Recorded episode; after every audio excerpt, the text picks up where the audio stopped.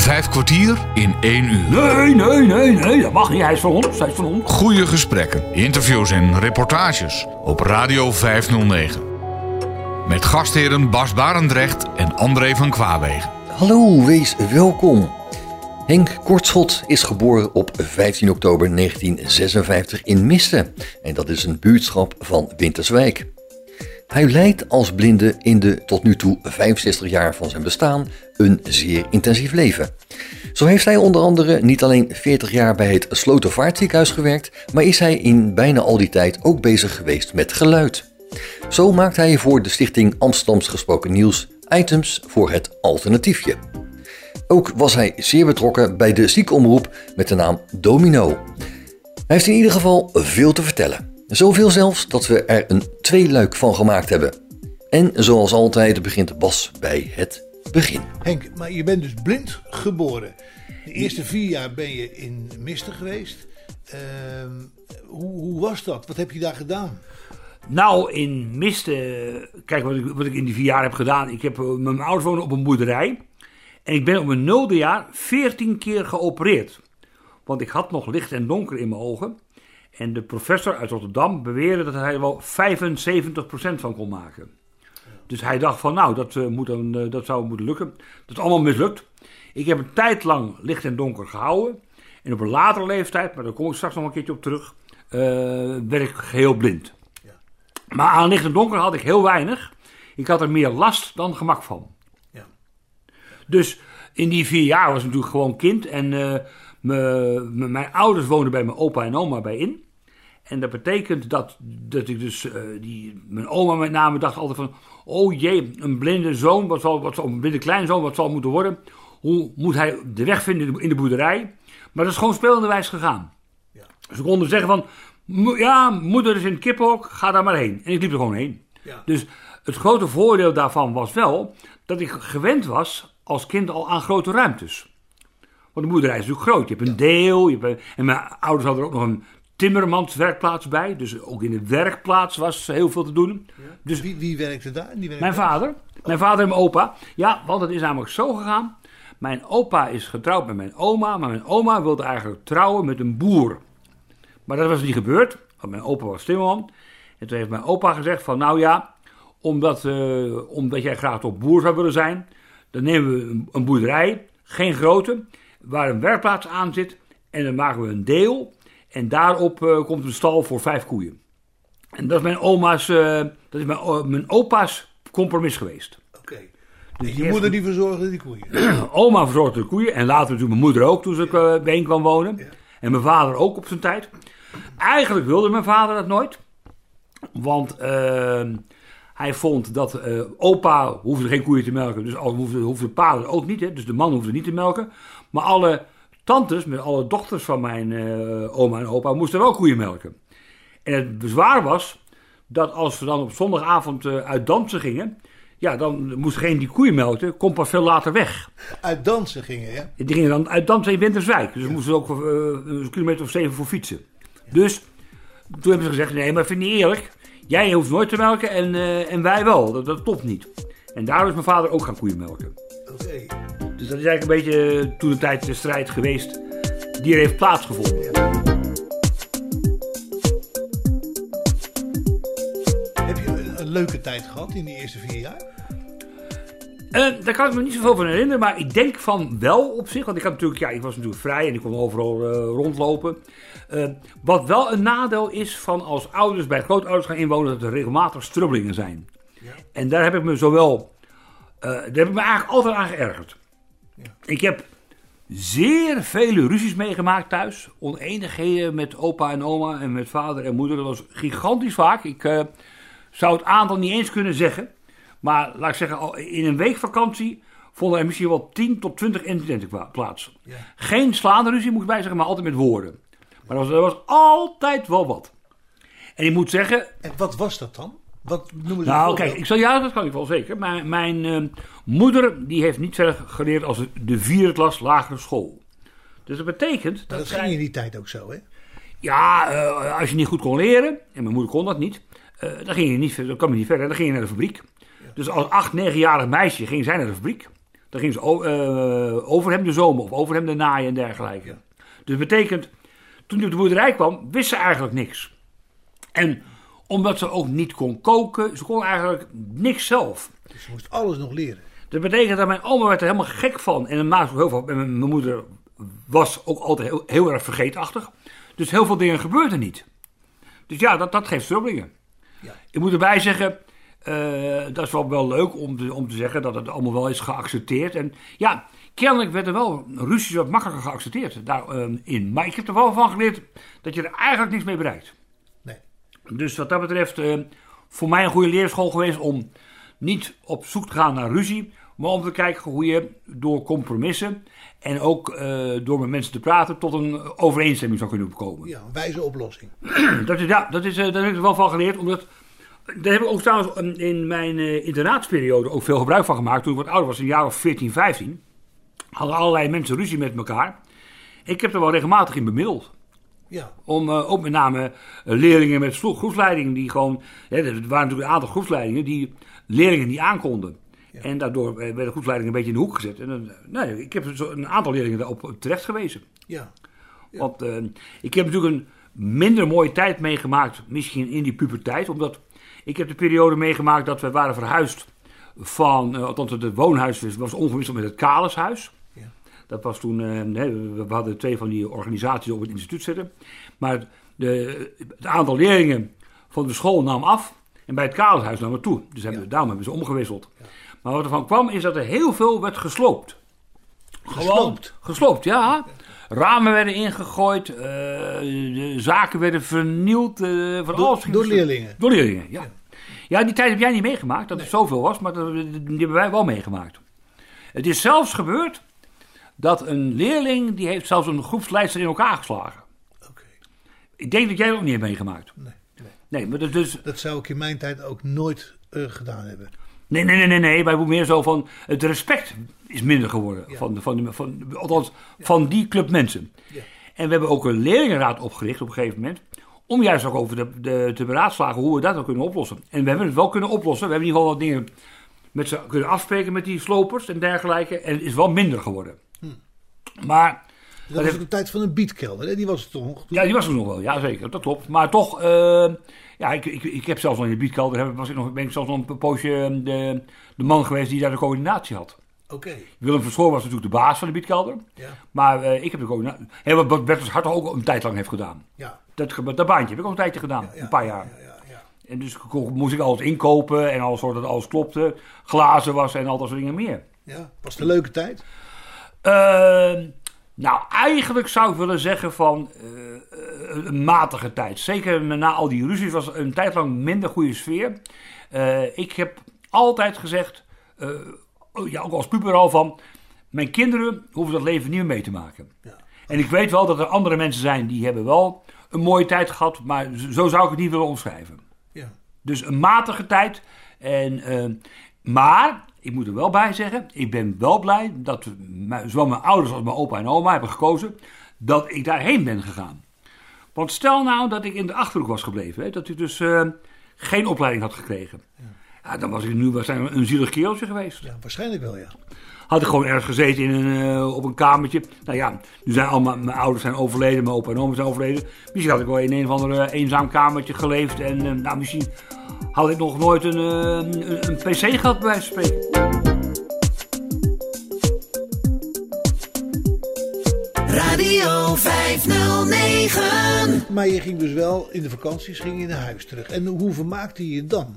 Nou, eh, ik had natuurlijk een elektrische trein waar ik mee reed. En voor de rest eh, had ik... eh, ik kon fietsen op, thuis als ik dat wilde. Dus ik kon lekker op de boerderijen rondfietsen. Dat, dat, dat Op het vond erf. Ja. Op het erf, ja. En ja, dat, dat, dat ging allemaal wel.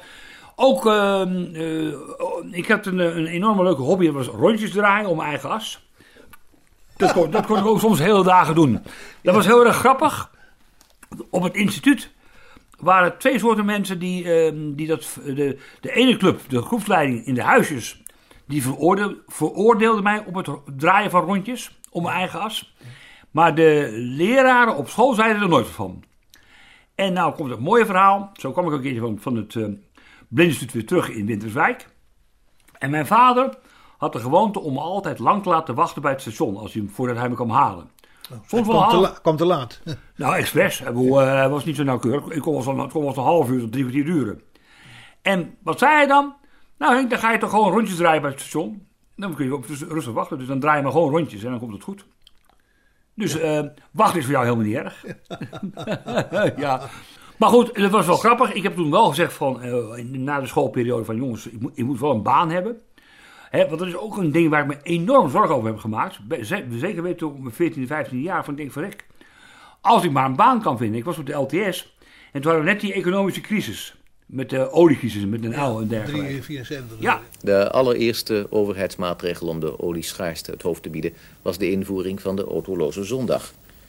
Op zondag 4 november beleefden we die voor het eerst. Een heel ongewoon beeld toen, nu al bijna weer vertrouwd. Geen auto's op de wegen, behoudens een enkele met ontheffing die we nastaarden. Verder alleen taxis en bussen. Op de autowegen ook brommers en fietsers. En rolschaatsende kinderen zelfs, althans tot de politie daar een stokje voor stak. Maar verder leeg. Dus ik denk, oh jee, hoe kom ik aan een baan? En inderdaad, ook de stages die, die we als LTS mochten lopen, die gingen al niet meer door. Vanwege de oliecrisis. Dus kun je nagaan. Dus ik denk, een baan, ik moet er toch wel nog meer bij leren. Maar ja, hoe vind ik dan een baan? Toen ben ik, terwijl ik nog met school bezig was, ook al gaan solliciteren in Graven. Als kopist van geluidsbanden. Want ik heb gedacht van, als ik maar een baan heb, kan ik altijd wel misschien wel door naar een andere baan. Ja, dan komt de rest wel. Want eh, het is vaak zo, als, als je moet beginnen vanuit een werkeloze positie, ja, dan wordt er alweer anders naar je gekeken. Dat was toen ook al. Ja. Dus ik heb gezegd van, weet je wat we doen? Eh, ik moet zo- zoeken naar een baan. Nou, voor die baan als kopist werd ik afgewezen. Vervolgens had ik mijn examens voor mijn AVV-diploma gehaald. En toen was er een advertentie, daar werd ik op gewezen voor eh braillecorrector in de Blindenbibliotheek in Den Haag op de Zichtenburglaan. Hun nieuwe pand toen de tijd. Ja. Dat was in 1977. En daar heb ik op gesolliciteerd. En werkelijk binnen een paar dagen ben ik aangenomen. Dus ik ben daar terechtgekomen op de Zichtenburglaan. Daar werd ik dus corrector. Op kamers gaan wonen. Ja, het leuke was dat ik op een. Ik, heb een, eh, ik, heb, ik ben op een kamertje begonnen van 2 bij 3 meter. Dan moest ik s'avonds mijn bed uitklappen om te kunnen slapen. Zo klein was het. Maar ja, weet je, als je jong bent, dan accepteer je van alles. Ja. Dan ben je dan, eh, ja, en ik wist ook gewoon van. Wees maar blij dat je een baan hebt. Ja, en wat deed je daar in Den Haag s'avonds? Eh, radio luisteren. Voornamelijk wat radio luisteren. Eh, een beetje ook bij de mensen. Want het was een huis met heel veel kamers die we werden verhuurd. We waren er met z'n achten of zo. We hadden ook kosten inwonen. En dan was ik vaak bij die jongens op, op de kamer. Dus er werd voor je gekookt. Er werd gewoon gekookt. En die, bij de huisgenoten kon je dan ook op de kamer zijn. Om daar gewoon eh, gezellig eh, te praten en dergelijke. Dus gewoon, daar gewoon leuk, leuk te zijn. Er waren er ook die hadden een grotere kamer. Ja, want ik ben in die, want ik heb maar tien maanden gezeten in de bibliotheek, ben ik de, in de, binnen het huis drie keer verhuisd. Oh. Van het kamertje van 2 bij 3 naar een kamertje van 3 bij 4. Dat lijkt nou heel wat. En ik ben geëindigd de laatste paar maanden in een gigantische kamer met balkon. Kijk, Ja. dat was mooi. Dat was mooi. Maar de baan was niet mooi. Want ik ga het je uitleggen. Ik, eh, ik was aangenomen als corrector. En als je, ja, wat is de functie van corrector? Boeken lezen en daar fouten uithalen. Ja. En ik moest op een gegeven moment bij Corvin komen. Bij meneer Corvin was mijn chef. Ja. Die was overigens de voorzitter ook van de NCB. Ja, dat klopt. En die, eh, die moest bij hem op kamer komen. En hij zegt, Henk, je doet te weinig. Ik zeg, hoezo? Ja, maar eh, iets van drie à vier braillebanden per week. Ja, ik zeg, maar moet die dingen toch goed lezen? Nee, zegt hij, dat moet niet. Dat moet anders. Je moet eh steeds voetvrij gaan lezen. En hij zegt, het maakt niet uit of er nou een S of een T staat. Een P of een Q. Het gaat erom, als het maar leest. Ja. Nou, ik zeg, dat vind ik wel een beetje raar. En, eh, ja, zei hij, maar zo eh, wil ik het hebben, want anders hoef je niet te blijven. Nou, oké. Dat betekende dus dat ik op een gegeven moment in plaats van drie tot vier boeken wel een boek of 30, 35 deed. Ja, wat, wat, wat, wat minder nauwkeurig allemaal. Ja, uiteraard. En het probleem was dus nu zo. Dat er waren ook altijd mensen die dan stiekem toch alles goed wilden doen. En dan dus allerlei dingen verzonnen. Om het toch goed te doen. Dat wil zeggen, ik leverde de materialen aan. En dan kreeg ik natuurlijk van, ja, maar dat is niet goed gedaan, Henk. En dit en dat. Ja, ik zeg, zo moet het van een korving. Ik zeg, weet je wat we doen? En wie zaten daar nog meer op de bibliotheek? Noem eens wat namen. Margreet van Weijen, Ja. mevrouw Piekevet, Henk Kamp zat daar. En eh, mevrouw van der Ende, Ria Roos. En ja, dus een aantal van dat soort eh, mensen. Die zaten er allemaal. Ik zeg, weet je wat we moeten gaan doen? We moeten gewoon naar de chef toe gaan en met z'n allen zeggen van hoe we nou boeken aan het produceren zijn, dat, dat is niet goed. Dat leek mij een goed plan. Ja. Om naar Corving te gaan. Ja, korf ik maar met z'n- met z'n allen. Ja. En dan zeggen van nou, eh, wat, wat u wil kan niet. Eh, want de, de boeken worden niet mooi. Maar dat, dat, daar wou men niet aan. Dus de club wou er niet aan. Dus niemand wilde dat, die wilde dat gaan oppakken. Wat dacht je, dan moet ik aan mijn stutten trekken. En toen heb ik gedacht van, als ik zo blijf doorgaan, word ik een slordige jongen. Ik heb een boek van mezelf opgevraagd om eens te lezen. Nou, het weemoedig van de fouten. Ik denk, dat blijf ik niet doen. Ik ga zoeken naar een baan.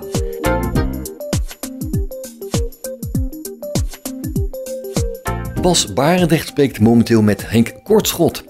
Die leidt tot nu toe in de 65 jaar van zijn bestaan een zeer intensief En leven. toen ben ik gaan luisteren naar de radio. Op Hilversum 3 was het toen de tijd de vacaturebank. Ja. S'avonds om zes uur. Ja, dat klopt. Joost, Joost mag niet eten. Ja, daarvoor zat hij. Ja. En ik had, eh, en ik, dus ik ging dat eh, beluisteren. En toen was er dictafonist gevraagd, ziekenhuis Amsterdam. Nou, ik daarheen gebeld, althans naar het arbeidsbureau gebeld. En die hebben me dan verwezen. En toen kwam ik terecht bij het Wilhelmina Gashuis, wat toen nog bestond. En die zeiden van, ja, eh, de medische terminologie kunnen we jou bijbrengen. Maar jij je komt alleen op een kamertje te werken. Of dat nou handig is als blinde, dat je ook heen en weer moet lopen, is, dat weten we eigenlijk niet. Dus wij zien het eigenlijk niet zo zitten. Nou, dat kan. En eh, ik had toen nog een beetje contact met eh, Tom Verhulst van het Blindeninstituut. ja. Die was hoofd van de drukkerij. Nee, die was, Oh, Wilson- leraar die was, die toen? was gepromoveerd tot leraar. Ja, ook een heel lullige manier, maar laten we het daar niet over hebben. Want het is allemaal niet zo gegaan zoals het had, had gemoeten. Want uiteindelijk was er geen geld voor Verhulst en hebben ze hem behoorlijk mee in de maling genomen. Hij is wel gebleven hoor, maar niet op de voorwaarden zoals was af- afgesproken. Oké. Maar laat ik dat niet over uitweiden, want dat is een heel ander verhaal. Maar het komt erop neer dat ik sprak met Tom Verhulst en eh, ik zeg van, eh, ja, ik ben aan het zoeken naar een andere baan. Ja, zegt hij, ik heb toevallig gehoord dat Slovaatje ook iemand zoekt, een, een, maar met name een, blinde, als typist. Ik zei, oh, dat is interessant. Dus hij zegt, eh, ik weet zelfs een naam. Dus hij heeft me de naam van de personeelswerker doorgegeven. Dus ik heb eh, gelijk de andere dag gebeld naar, naar, naar het ziekenhuis. En degene die, naar waar ik naar moest vragen, die had te verslapen. Dus ik kreeg, maar dat bleek een stagiaire te zijn. Maar toen kreeg ik zijn begeleider aan de lijn. En dat was Wim Geerts, een hele aardige man trouwens. En die eh, zei van, ik, belde op, eh, voor mij, ik belde op, op maandag. En hij zegt, eh, kun je donderdag komen? Ik zeg, nou, dat wil ik wel proberen, maar ik moet wel even vrij vragen. Dus ik naar mevrouw Nieuwpoort en eh vrijgevraagd. Nou, dat, dat kon wel. Dat, was, ja, dat, was, dat was nooit moeilijk, dat vrij krijgen. Althans, als je binnen je dagen zat. Ja. Dus ik eh, had zo vrij. Dus ik eh donderdag naar het ziekenhuis toe. En eh, ik moest ook onder andere proeftypen. Een medische, term- een medische terminologieband. Nou, en was een onduidelijk sprekende arts. Ik denk, dat wordt helemaal niks. Daar was je helemaal niet in geschoold. Zeg je? Daar was je Nee, helemaal niet in exact. geschoold. Ik denk dat wordt helemaal niks. Nou, ik had nog een gesprek gehad. En ik ga weer naar huis met de gedachte van dat wordt helemaal niks. Word ik de andere ochtend gebeld op de bibliotheek door die meneer Geerts. Hij zegt, Henk, eh, met meneer Geerts, ik ben erg boos geweest. Ik zeg, waarom dan? Nou, zei hij, ik heb een aantal afspraken gemaakt. Jij zou een medische band krijgen en een, en, en een, een bandje krijgen met een, een normale Nederlandse tekst. En je zou op een apart kamertje hebben mogen typen. Dat alles hebben ze niet gedaan. Hij zegt, dat was niet volgens de afspraak die we hebben gemaakt. Mijn vraag is, wil je nog een keer terugkomen om eh, Nederlands te komen typen? Op een apart kamertje. Dus de meeste band hoefde toen niet meer, maar dan kreeg ik een Nederlandstalige tekst te horen. Dus ik ben die, het was ook alweer de donderdag erop. Dus de En wat dacht je toen? Ik was verbaasd. Ja. Maar ik zei, nee, dat, daar ga ik weer vrij voor vragen. Nou, ik had kreeg vrij. Ik er weer heen. Dus ook weer op een donderdag. Ik daar typen op donderdagmiddag. Ik zal het nooit vergeten. Er kwamen een paar mensen langs om met me te praten.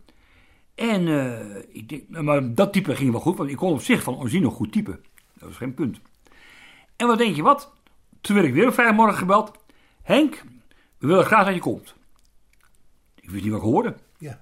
Ik denk, dat is wel heel bijzonder. Dat want- je kon werken. Ja. Dus ja, zo is het gegaan. En eh, dus ik ben, nou ja, toen, toen heb ik dat, was heel leuk. Want ik moest gaan werken met de Optacom. Ja. De Optacom is een apparaat waarmee je als blinde eh zwartschrift kunt lezen. Ja, dat bestaat niet meer, denk ik. Maar Nou, ik weet dat er maar, maar één persoon hem gebruikt. Ja. Maar voor de rest gebruikt niemand zo'n ding meer. ja, nee. Ik bedoel, maar ja, ik weet één iemand die hem echt heel veel gebruikt. En ik ken nog een andere persoon die hem wel gebruikt om, om de post na te kijken. Astrid Veldman, die heeft er ongelooflijk veel mee gewerkt. Ja, en wie er nog steeds mee werkt, dat mag ik rustig noemen, is Rob Remmen. Want Rob Remmen heeft mijn optacom van mij cadeau gehad eh, om, de, om zich daarmee te kunnen behelpen. Ja, Samen met zijn vrouw. oké. Dus dat heb, ik- heb ik gedaan. Ik gebruik hem toch niet. Ik denk, nou, dan, dan heeft hij tenminste zo'n zo'n optacom. En dan heb ik nog keurig, en dat kan ik niet anders zeggen, want ze zeggen, van, wat wil je ervoor hebben? Ah, ik zeg, doe maar een paar blikjes bier. nou, dat, dat, dat, is bescheiden. Dat, dat, dat siert je, Henk, dat siert je. Dat zei zijn vrouw nog, dat, dat siert je wel. Ik zeg, ja, ik ben tevreden, ik ben heel gauw tevreden. Hebben ze me een paar blikjes bier bezorgd, inderdaad, hebben ze gedaan. Maar op een gegeven moment kreeg ik ook nog een brief toegestuurd. En daarin zat nog een, eh, een waardebon in.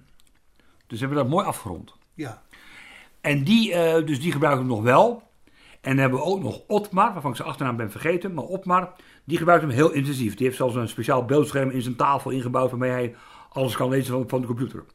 Maar ja, nogmaals, eh, ik ben helemaal van de Opticom af. Maar die had ik toen wel nodig, want we moesten dus eh, verslagen tikken van patiënten. Dat was mijn opdracht. En die verslagen moesten op een formulier waar al de naam van de patiënt op stond. Dus ik moest co- co- controleren of de naam die op het bandje werd ingesproken ook overeenkwam met de naam op, de, op het formulier.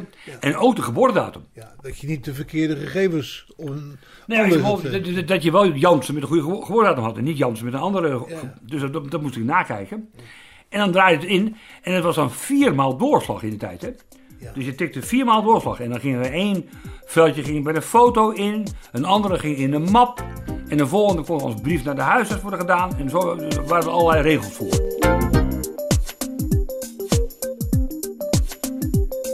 Vijf kwartier in één uur. Ah, fijn. Dat ben ik toen gaan doen. Dat was ontzettend. eh, ja, dat was op zich wel een eh, moeilijke periode, zeker het eerste jaar. Want het is natuurlijk grappig om eens even te vermelden. Dat een blinde zich ook raar gedraagt voor een ziende in het begin. Ik kwam natuurlijk uit een blindenwereld vandaan. Hè? Ja. Blindeninstituut, blindenbibliotheek. Ja. Op de blindenbibliotheek wordt overal rekening mee gehouden met je. Van eh, hoe, je, hoe je bent en wat. De deuren zijn keurig dicht. In een ziekenhuis niet. Nee. Er staat een kar, eh, er staat van alles in de weg. eh, deuren staan gewoon open. Ook deuren die misschien wel dicht kunnen, maar staan allemaal gewoon open. Dus daar moet je allemaal aan gaan wennen. Dat je, eh, dat je daar niet tegenaan loopt, of in ieder geval dat je rustig loopt. Maar, maar dat niet alleen. Waar we ook aan moesten wennen, was het volgende. Dat ik was heel snel met, als ik iets hoorde, dat ik dan gelijk ging vragen wat het was. Dus dan hoor ik een pingel uit de, röntgen, een pingel uit de röntgenkamer vandaan komen. En dan denk ik van, hé, hey, wat hoor ik nou toch? Dus dan ging ik dat gelijk vragen. Ja, dat leidde tot gigantische problemen. Dus ik heb met Wim Geers nog een nieuw gesprek gehad. Hij zegt, Henk, je doet uitstekend je best. Alleen, je moet je anders gedragen. Je wilt te veel weten. Je moet je anders gedragen. Je moet, je moet zorgen dat je, eh, je moet dan je vraag bewaren tot een later moment. Probeer dat nou. En, eh, ja, en, en zegt, hou er ook rekening mee dat de mensen wat meer aan je moeten wennen. Want je bent zo enorm aanwezig. Nou, die kritiek heb ik me ook te harte genomen. Dat was trouwens ook noodzakelijk, want dat was nog binnen mijn proeftijd. En als ik dat niet zou verbeteren, Dan zou je eruit. dan was, dan was ik weg. Ja. Dus ik ben dus keurig, eh, nou, ik heb dus keurig eh, me aangepast. En eh, toen werd ik aangenomen. En toen ging ik, toen, ik was aangenomen, dacht ik, weet je wat ik ga doen? Want ik had al gevraagd of er een ziekenomroep is. Dan ga ik bij de ziekenomroep. De eerste jaar heb ik namelijk totaal geen hobby's gedaan. Om, te, om me in te, in te werken in de medische terminologie. En daarna, in het tweede jaar, toen ik was aangenomen, heb ik A, een eigen telefoon aangeschaft. Dus een, eh, een- gewoon een eigen telefoonlijn, zou ik maar zeggen. Want die had ik nog niet in het huis waar ik, waar ik woonde. Daar hadden we een centrale telefoon hangen. Een telefoonautomaat, zo'n eh, ding waar geld in ging. Ja. Dus, eigen telefoon genomen. Binnen een mum een antwoordapparaat aangeschaft. Althans, eh, dat, eh, dat, dat, in die tijd kon dat niet zomaar.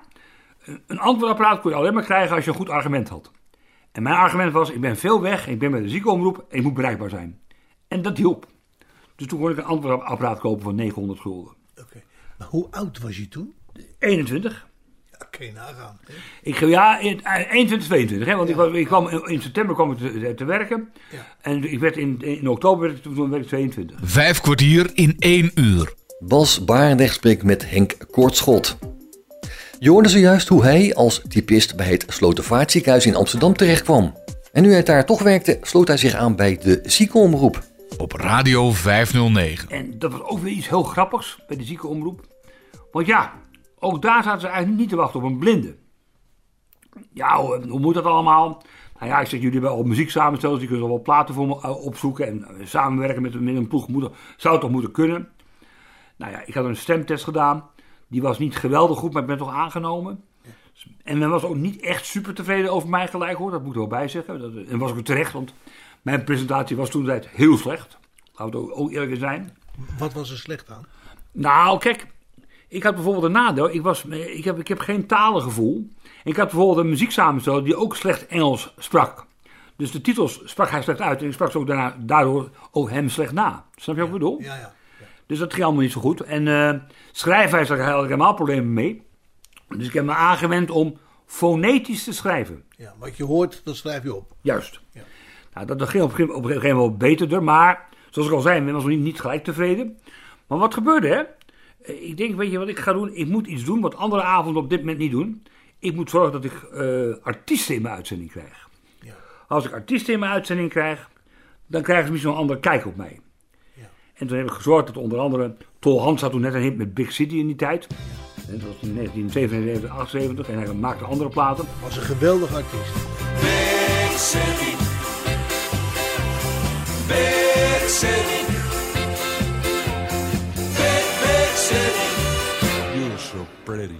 Dus ik had Tol Hansen in de studio zitten. Ja, toen, toen, kreeg ik, toen kreeg ik een naam natuurlijk. En zo had ik meerdere artiesten uitgenodigd. Of ik ben erheen gegaan. En toen kreeg ik naam.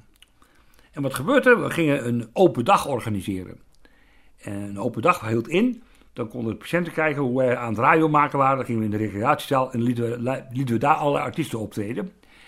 En dat punt heb ik opgepakt als organisator van de, althans eh, het regelen van artiesten. En dat ging zo goed.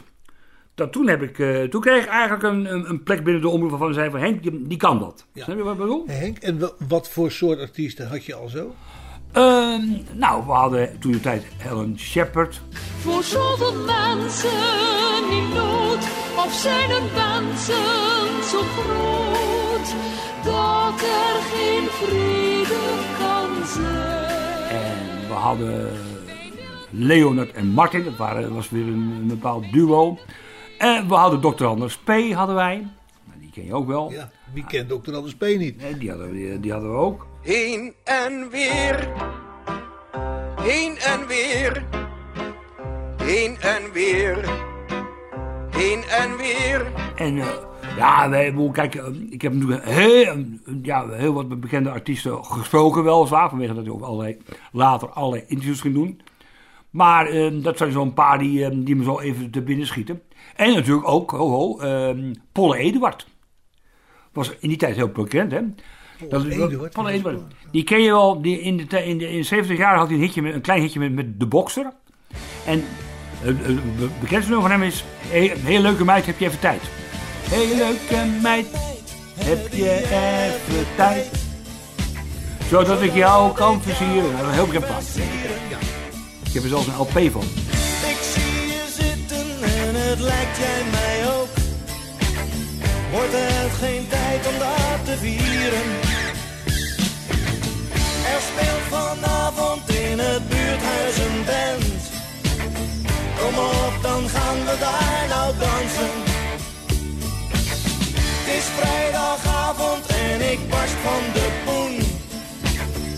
Zal met niemand anders chansen.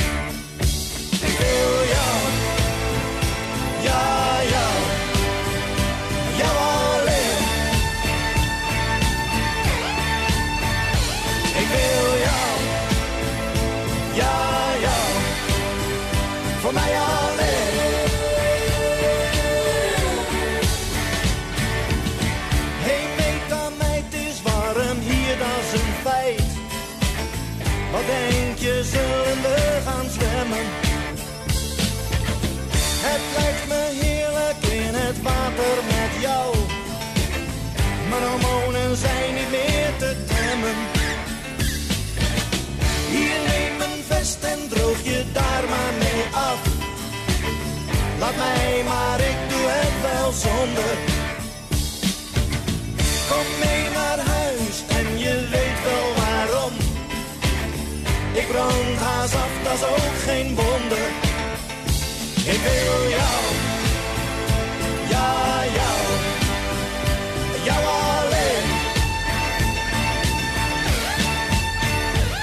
Ik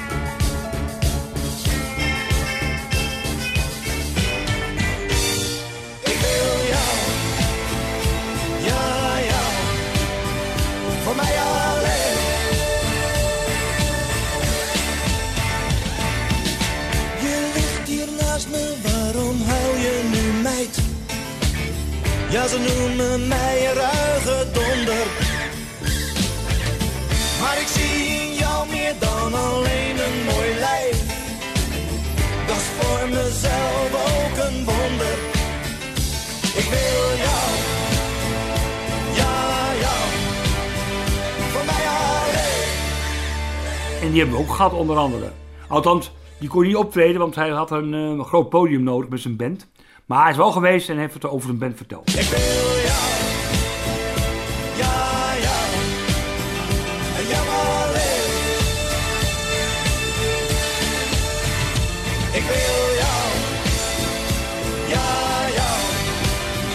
voor mij alleen. Radio 509. Nou, kortom, dat hebben we toen eh, ge- gedaan. En toen gingen we de huishoudbeurs organiseren. De uitzending ging maken van de huishoudbeurs. En daar hebben we ook allerlei dingen voor geregeld. Althans, ook weer artiesten, maar ook eh, In de rij was in dat. de rij. Jazeker. En we, we hadden op een gegeven moment een hele stand in de rij gebouwd. Oké. Ja, we hebben van alles gedaan op dat gebied. Dat was ongelooflijk. Het was, eh, ja, want ja, je, je, je was, je- dat wilde je gewoon heel graag. Vond, vond ik gewoon leuk. Ja, dus daar kon je je talenten geheel kwijt.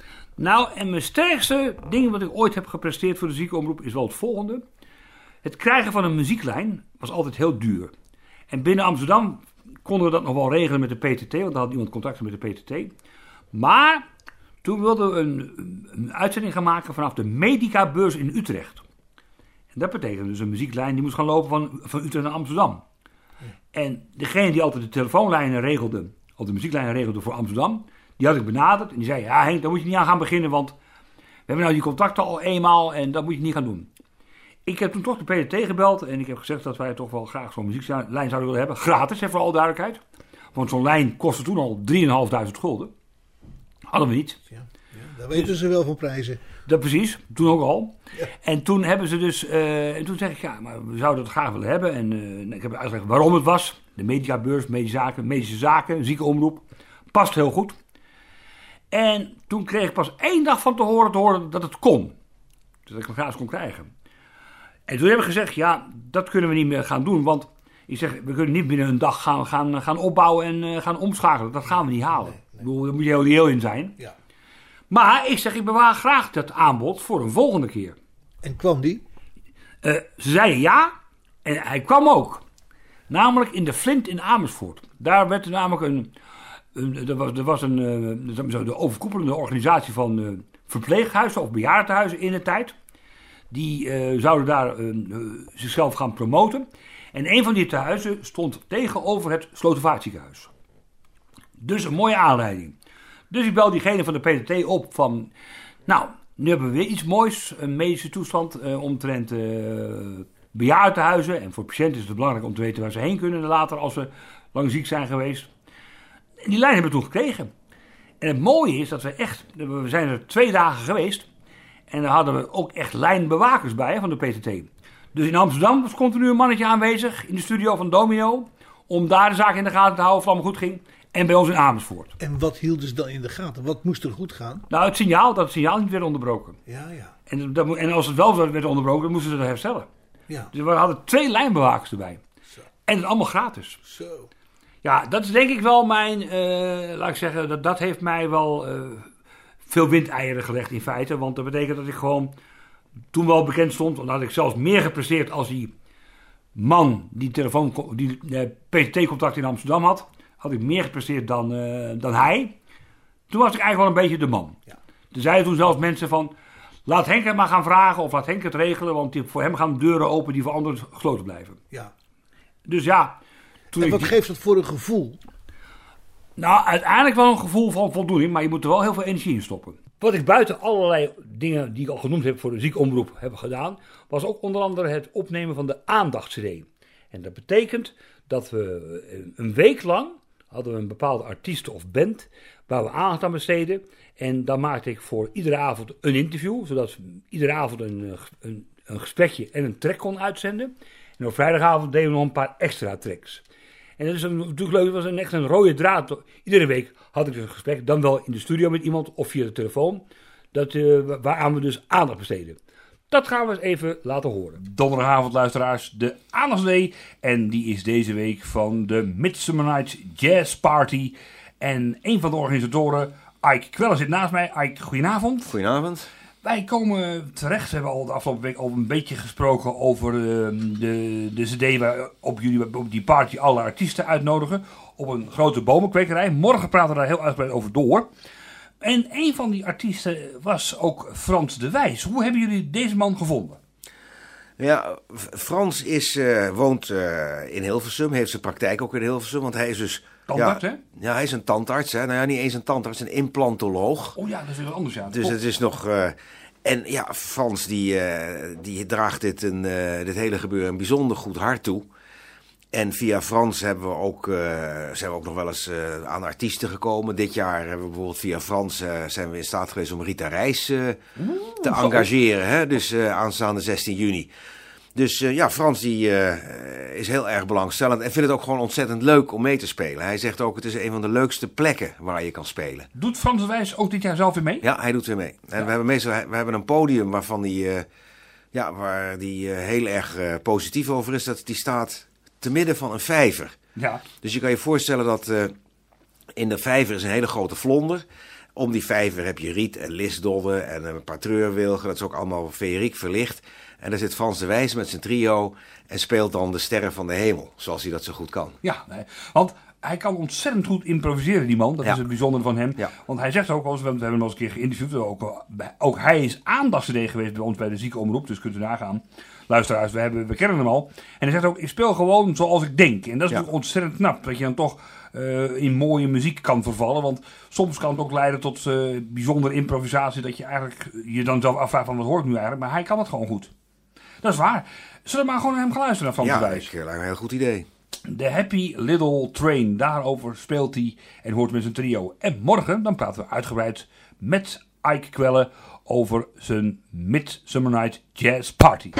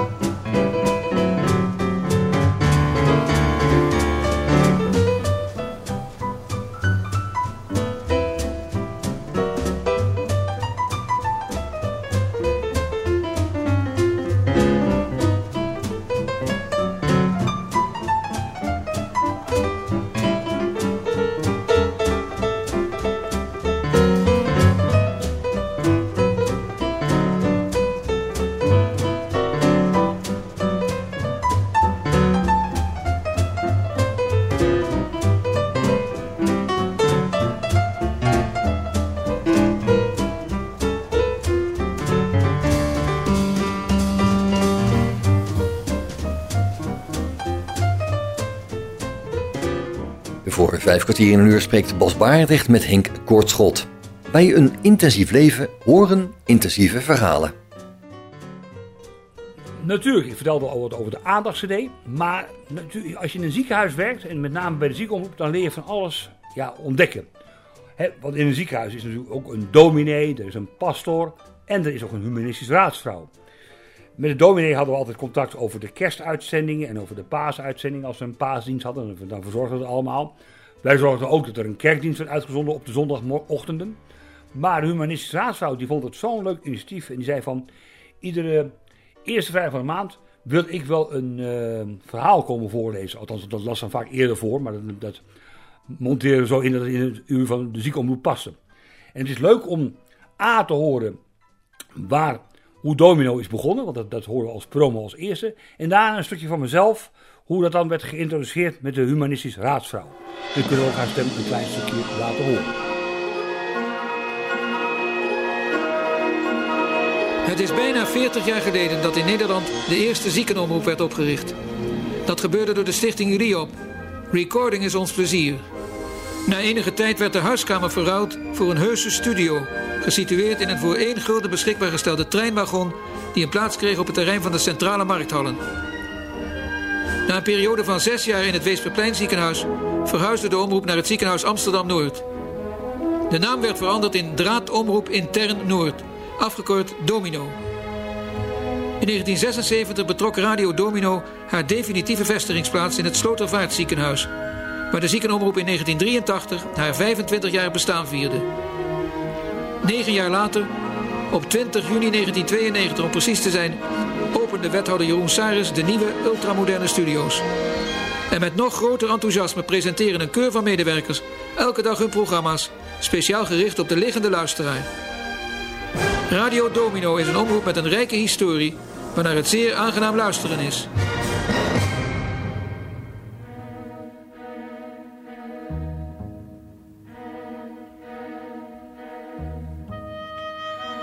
Luisteraars, goedenavond. Welkom alweer bij het vierde uur van Verzet in Bed. Jongen, jongen, jongen, ongelooflijk alweer laat op de avond. En uh, welkom bij Radio Domino nogmaals. Vanavond geen klassieke muziek, al zou je dat wel denken aan het horen van de tune. Nee, vanavond hebben we weer uh, onze humanistische raadsvrouw. Iedere eerste vrijdag van de maand en op zaterdagmorgen, dus 11 en 12, kunt u haar beluisteren. En uh, wel, dat gaat zo dadelijk gebeuren. En ze zit tegenover mij. Germaine, goedenavond. Goedenavond Henk. Zo, welkom bij ons uh, in ons programma. Ik vind het leuk dat je er iedere maand bij kan zijn. Is echt uh, heel gezellig. En ja, mijn vraag is natuurlijk op de brand op de lippen van, wat heb je nu weer? Nou, deze keer heb ik twee reisverhalen uitgezocht. Het ene is van Arthur Japin en heeft als titel De boot naar Bursa. Dat gaat over een reisbestemming waar een verrassing aan vastzit. Maar dat hoor je in het verhaal wel. Mm -hmm. En het andere verhaal werd geschreven door Anton Haakman en het heet Bestwil. En dat verhaal Bestwil, dat gaat over een reis die echt in de werkelijkheid plaatsvond, maar toch ook weer niet. hey, dat zijn alweer mysterieuze opmerkingen. Nou, we laten nog even een stukje muziek horen en bij mij dus ga je daarna lekker beginnen.